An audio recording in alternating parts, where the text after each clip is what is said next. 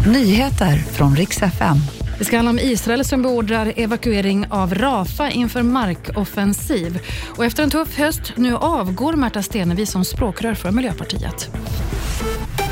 Israels premiärminister Benjamin Netanyahu har beordrat israelisk militär att förbereda evakuering av Rafa vid södra Gazaremsan. Det här gör man inför en förväntad markinvasion, rapporterar flera internationella medier. Över en miljon palestinier har redan flytt till gränsstaden som brukade husera 280 000 invånare. Norrut pågår intensiva strider och gränsen mot Egypten är fortfarande stängd. Efter en tuff höst, nu avgår Märta Stenevi som språkrör för Miljöpartiet. 18 januari meddelade hon att hon först skulle sjukskriva sig för att återhämta sig och få en paus efter en tuff höst. Men nu har hon funderat och bestämt sig för att istället helt avgå. Partiet förtjänar någon som orkar ha, ha fullt tempo, skriv, säger hon och hon behöver fokusera på att må bra igen, bli en bra mamma och vara en trevlig sambo.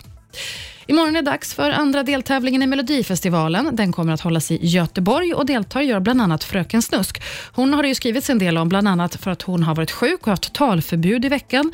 Men nu ska hon vara friskare och kunna delta. Andra som medverkar är Liamo och Maria Sor. Och Det var nyheterna och jag heter Maria Granström.